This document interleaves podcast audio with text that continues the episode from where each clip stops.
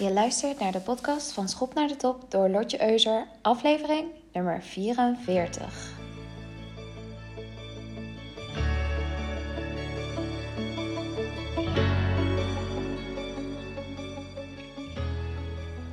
Goedemorgen, het is vrijdag. Ik ben weer lekker back on track. En vanmorgen kreeg ik echt een superleuk bericht van een van mijn klanten die meedeed aan Maak van april je beste maand. En ze vertelde dat ze de eerste klant voor haar nieuwe programma heeft binnengehaald. Woehoe! Zo ontzettend blij voor haar. Nou, deze week ben ik met van alles en nog wat bezig geweest. Ik heb materiaal geschoten voor mijn nieuwe vlogshow op YouTube, Deals and Heels. Ja, ik weet niet of ik het al had verteld, maar ik ga weer YouTube-video's maken. Vroeger heb ik altijd gebeautyvlogd. En het was best leuk. En best ook wel wat geld mee verdiend. En ik dacht, nou, ik ga dit gewoon weer oppakken. Maar dan voor mijn eigen coaching business. Om jullie te laten zien hoe het is om business coach te zijn en zelfstandig ondernemer. Oh ja, om een kijkje te geven in de highs en de lows. En ik weet natuurlijk ook wel dat je op social media vooral de leuke momenten te zien krijgt. Maar ik heb ook gewoon natuurlijk struggles. En dat wil ik meer laten zien. Die kant van mezelf wil ik meer laten zien aan jullie. En ik dacht, nou, ehm, YouTube is hier uitermate geschikt voor. En ik, ja, ik speelde al een tijdje met dit idee. Want ik wil niet alleen afhankelijk zijn van Facebook voor mijn zichtbaarheid. Maar ja, de innerlijke perfectionist kwam om de hoek kijken. En het duurde gewoon even voordat ik mijn plan daadwerkelijk omzette in actie. Dus ik heb inmiddels al wat materiaal geschoten voor mijn trailer. En dan ga ik maandag bellen met de muziekproducer. Om te kijken of hij me kan helpen met de muziek voor mijn show.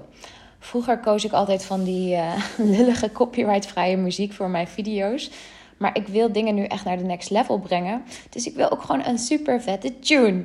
Denk aan Selling Sunset. Denk aan de Kardashians op Hulu. Nou, echt van die super toffe tunes. En daar heb ik ongeveer ja, de lat gelegd. Niet bepaald laag.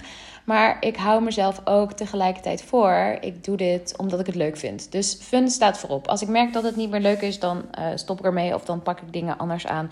Zodat het weer leuk wordt. En vandaag wil ik het met jullie hebben over goedkeuring zoeken bij anderen. Ik was geïnspireerd om hierover te praten door een gesprek deze week.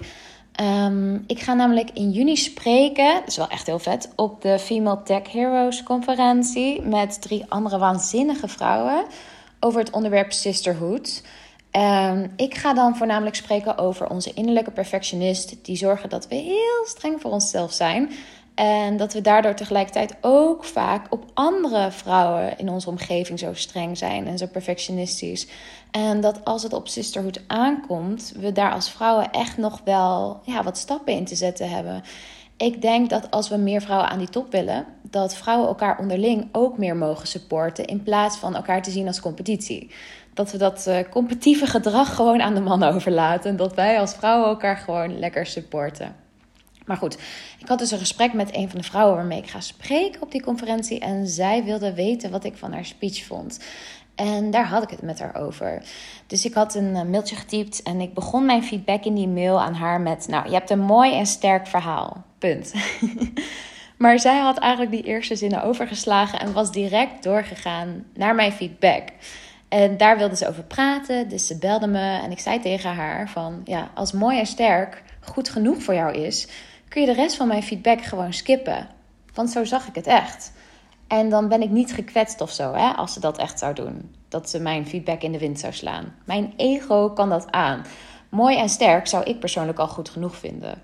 Ja, en ze moest daarop een beetje lachen. Want wij vrouwen zijn geneigd om complimenten vaak in de wind te slaan. En juist de verbeterpunten groter te maken dan ze zijn. En daar dan helemaal op te focussen. Ook in functioneringsgesprekken bijvoorbeeld.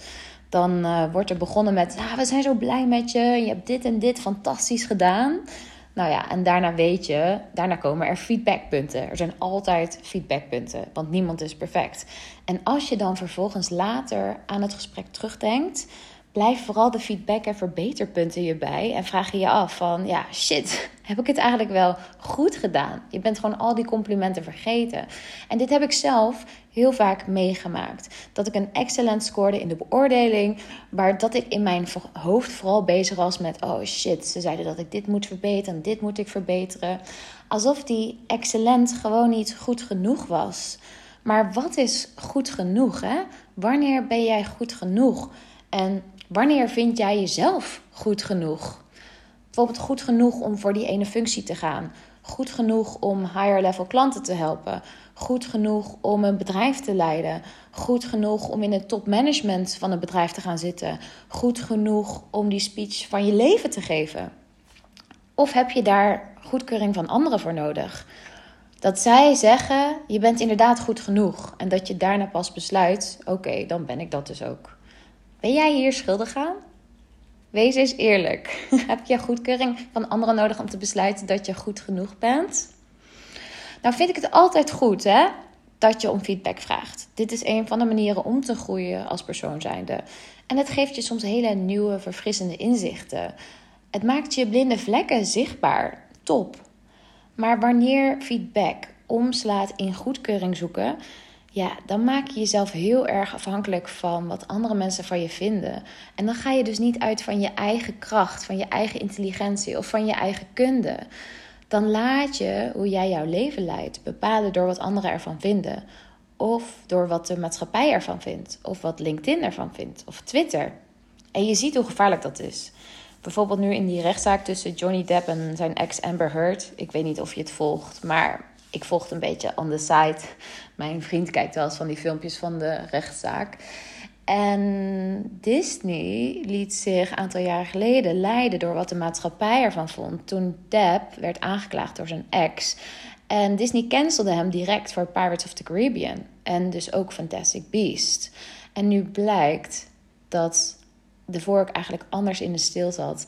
En dat Depp zelf een slachtoffer is geweest van huiselijk geweld. Maar ja, de cancelcultuur heeft al zijn werk gedaan. En Depp's carrière is bepaald door anderen. Voordat überhaupt duidelijk is geworden wat er nou precies is gebeurd in die relatie die hij had met die Amber. Dus de maatschappij kan enorme invloed hebben op wat bedrijven doen en wat celebrities doen. En enerzijds is dat goed, dat we kritisch kunnen blijven, zeker als er dingen gebeuren die echt niet in orde zijn. Maar anderzijds is dat ook heel gevaarlijk als we niet het hele verhaal kennen. We oordelen gewoon ontzettend snel. Ik doe het, jij doet het. En belangrijk is dat je je ervan bewust bent dat we dit dus allemaal doen. En ik was trouwens laatst wel naar Fantastic Beasts geweest in de bios. En ook al is degene die nu Grindelwald speelt, Matt Mikkelsen, echt een hele goede acteur. Ik miste toch wel echt Johnny Depp. En ik vond het echt wel heel jammer dat Disney hem zo snel gecanceld heeft. Maar goed, dus maat, uh, goedkeuringen zoeken in de maatschappij, slecht idee. De maatschappij neigt erg hard en negatief te zijn. De meeste mensen denken sowieso al heel snel in doemscenario's en zijn echt risicovermijdend as hell. En dat is niet gek, het is juist heel menselijk. Het zit geprogrammeerd in ons brein, omdat negatieve ervaringen ons het meest bijblijven. En dan denk je, hoe komt dat dan? Weet je wel, waarom kunnen we niet gewoon focussen on the good? Um, dat komt voort uit dat oerinstinct. Dat we bijvoorbeeld vroeger uh, absoluut moesten onthouden welke paddenstoelen giftig waren en dergelijke. En daarom blijven negatieve zaken je zo goed bij. Misschien mocht je het je afvragen waarom jij vooral de kritische punten van, kla van klanten of je baas altijd maar zo onthoudt en de complimenten juist niet. Dat is dus om deze reden. We moesten vroeger wel die negatieve ervaringen goed onthouden als garantie voor ons voortbestaan. Inmiddels is dat natuurlijk al lang niet meer zo. We lopen haast geen gevaar meer. Maar ons brein is zodanig geprogrammeerd dat hij ons nog steeds wil behoeden voor mogelijke gevaren en negatieve ervaringen. En daarom onthouden we die zo goed. Stel dat ik goedkeuring had gezocht om voor mijzelf te beginnen en te stoppen met loondienst. Had ik nooit die stap gezet. Want ik kreeg eigenlijk die goedkeuring helemaal niet voor de volle 100% van mijn omgeving. Mijn moeder zei bijvoorbeeld: Je moet eerst voor een heel jaar salaris sparen. En mijn baas zei: Kun je het niet eerst gewoon combineren? Nou, en ga zo maar door. Er waren heel veel mensen die er iets van vonden. Maar ik sloeg de vraag naar goedkeuring weg. Ik bedacht dat ik dit wilde. Niemand anders kon voelen hoe dolgraag ik dit wilde doen. Dus ik wilde alleen mijn eigen goedkeuring en besloot dat dit goed genoeg was. En ik voelde daarna enorme rust. Ik dacht echt van, oh my god, dit is het gewoon. En dat kun jij ook. Bepaal voor jezelf wat je ontzettend graag wilt. En bepaal dat je daar voor de volle 100% voor gaat. En laat vervolgens de goedkeuring van anderen achterwege. een van mijn klanten liep hier ook echt tegenaan. Bij alle plannen die ze maakte, zocht ze mijn goedkeuring. Dan zei ze bijvoorbeeld: Ja, ik wil dit gaan doen. Wat denk jij? Wat vind jij hiervan? Wat vind je daarvan? Wat vind je hiervan? Zal ik dit zo doen of zal ik dit zo doen? En dus zei ik tegen haar: Het maakt niet uit of ik het goed of slecht vind. Het gaat erom wat jij wilt.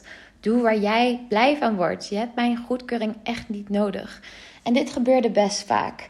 En dan zei ik weer steeds hetzelfde. En dan moest ze altijd wel weer een beetje lachen van... Oh ja, ik doe het weer. ik ben weer naar uh, goedkeuring aan het zoeken. Dus het is ook zo belangrijk dat je je eerst bewust wordt... van wanneer jij goedkeuring zoekt bij anderen. En misschien doe je dit ook best wel vaak. Of misschien is het je op een bepaalde manier aangeleerd. Grappig is trouwens dat de dochter van deze klant dit patroon van haar overnam. De, lerares van haar dochter merkte dat haar dochter wel erg vaak in de klas om goedkeuring vroeg. Dus ja, je, weet je, uh, goedkeuring loslaten doe je niet alleen voor jezelf, maar misschien ook voor je familie, voor je kinderen. Omdat je wil dat zij ook op hun eigen benen leren staan en dat ze ook doen waarvan zij denken dat het goed is. Dus stop met goedkeuring zoeken bij anderen en doe het gewoon. Misschien wel iets makkelijker gezegd dan gedaan, want ja, wat als het verkeerd uitpakt? Een van mijn vrienden zegt dan: Don't ask for approval, just do it. And if it turns out the wrong way, later on ask for forgiveness. Dus don't ask for approval, ask for forgiveness. En dat is zo belangrijk, want mensen vinden het niet erg als je iets verpest. Als je het maar gewoon oont en vervolgens je excuses aanbiedt. Dat zie je ook vaak in de celebrity-wereld natuurlijk, hè? Als eh, Kim Kardashian bijvoorbeeld lollies promoot die uh, eetrangen onderdrukken en de wereld bekritiseert haar dat ze een ongestelde leefstijl en anorexia promoot, dan biedt ze later weer excuses aan. Zegt ze: Oh ja, was niet handig, sorry. En is het weer oké? En zo werkt het ook in deze wereld. Als je je fouten oont en sorry zegt, is het gewoon oké. Redemption, baby. Nou, ik keek de film van uh, King Richard van de week opnieuw met een vriend. En ja, ik vind het gewoon zo'n inspirerende, goede film. Dat ik hem gewoon nog een keer moest kijken. En wat ik zo bewonderde aan Richard Williams, de vader van Venus en Serena Williams, is dat hij ook geen goedkeuring zocht bij andere tenniscoaches. Terwijl de hele tenniswereld tegen hem zei: van ja, je moet je dochters in de junioren laten spelen, want zo doen alle pro's het. Sloeg hij dat advies in de wind en ging hij alleen uit van zijn eigen plan. Ook al kreeg hij geen goedkeuring, hij zocht het ook niet. En dat kon hij doen omdat hij vertrouwen had. Hij had 100% vertrouwen in zijn eigen plan. Dat was het allerbelangrijkste. Hij zei tegen Venus: Jij wordt de nummer 1 van de wereld. En tegen Serena zei hij: Jij wordt de allerbeste ten alle tijden. En zijn plan kwam uit. Venus werd de nummer 1 en Serena wordt gezien als een van de beste spelers ten alle tijden. Ook al ging hij met zijn plan dwars in tegen alle adviezen van andere tenniscoaches, van de beste tenniscoaches in de wereld. Hij volgde zijn plan en met goed resultaat. En ik wil dat jij dit ook meer gaat doen. Maak een plan voor jezelf. Zoek geen goedkeuring om je heen. Besluit gewoon dat je het zo gaat doen en dat je eigen goedkeuring het allerbelangrijkste is. Jij bent uiteindelijk degene die het moet gaan doen. Vind kracht en motivatie in jezelf. Kijk niet te veel om je heen. Soms is het juist goed om even die oogkleppen op te zetten en al het goed bedoelde advies in de wind te slaan. Want jij alleen voelt of iets klopt voor jou of niet. Alleen jij weet of je de goede kant op gaat. En dat voel je in je lichaam. Dat voel je als je hart sneller gaat kloppen van de dingen die je doet. Dat voel je als je juist een heel ja, knagend gevoel hebt in je lichaam. Dat je denkt, oh, dit is eigenlijk niet voor mij goed. Weet je wel, ik moet hier nu mee stoppen of ik moet een andere kant op gaan. Het betekent niet dat dit makkelijk is, hè? Als je je eigen plan uitvoert, kan het maar zo zijn dat je, ja, dat je toch merkt dat mensen het ermee oneens zijn. En dat ze niet hun goedkeuring aan je geven. En het is best lastig om dan door te zetten. Maar mijn advies is: zoek die goedkeuring gewoon niet. Praat niet over je plannen alsof je de goedkeuring zoekt. Maar praat vanuit je plannen alsof je vastbesloten bent. Wees ook gewoon vastbesloten. Als mensen merken dat je vastbesloten bent, zullen ze ook niet snel ongevraagd advies geven. Maar als je twijfelt, als je laat zien dat je onzeker bent, als je laat zien dat je het niet weet, dan zet je echt die uitnodiging neer van anderen om een mening te geven en hun goedkeuring ja of nee te geven. Dus doe het gewoon niet. Doe het niet. Wees vastbesloten of um, praat er gewoon niet over. Want ja, soms zou dit betekenen dat dit, ja, dat je ook niet met iedereen hierover kunt praten. Ja, dan ben ik vrij hard. Dan zeg ik gewoon so be it. Huur desnoods een coach in waarmee je er wel over kunt praten. De taak van mij als coach is namelijk om onbevooroordeeld jou te helpen. Ik ben hier niet als coach voor mijn eigen mening. Het is niet mijn taak om goedkeuring te geven aan jou. Het is mijn taak om je een spiegel voor te houden, met je te sparren en goede vragen te stellen, zodat jij jezelf door en door leert kennen. Zodat jij ook acties kunt nemen die passen bij zoals je bent en niet zoals anderen willen wie jij bent. En zodat je ervan bewust wordt wanneer je toch weer stiekem om goedkeuring aan het vragen bent. Zodat je weet in welke stappen je richting wilt gaan zetten. Niet omdat ik wil dat jij dat doet, maar omdat ik wil dat je erachter komt waar jij echt blij van wordt. En als je dat eenmaal ontdekt, dan merk je dat je geen andere richting meer op kunt. Dan weet je wat jou te doen staat. En laat je je niet afleiden doordat anderen misschien niet goedkeuren wat je doet. En als je nu denkt: oh my god, dit heb ik nodig, dan nodig ik jou uit om mee te doen aan mijn programma Feminine Force, waarbij we zeven weken aan de slag gaan om jou te laten vertrouwen op puur en alleen jezelf. Ik noem je intuïtie ook wel je innerlijke CEO, die geen goedkeuring van anderen nodig heeft, die heel goed weet wat ze wil en waar ze blij van wordt. Maar soms drukken we die weg omdat we zo graag willen dat anderen goed vinden wat we doen. En dat mag wel een tandje of tien minder. In Feminine Force ontdek je wat voor jou belangrijk is. Hoe je betere grenzen kunt stellen, zodat je gaat voelen: I got this. Nou, je kunt je op mijn website schopnaardetop.nl gemakkelijk aanmelden voor dit programma. En voor nu hoop ik dat je na het luisteren van deze aflevering meer op jezelf gaat leunen en niet meer zoveel om je heen kijkt. De enige goedkeuring die je nodig hebt is die van jezelf. Fijn weekend.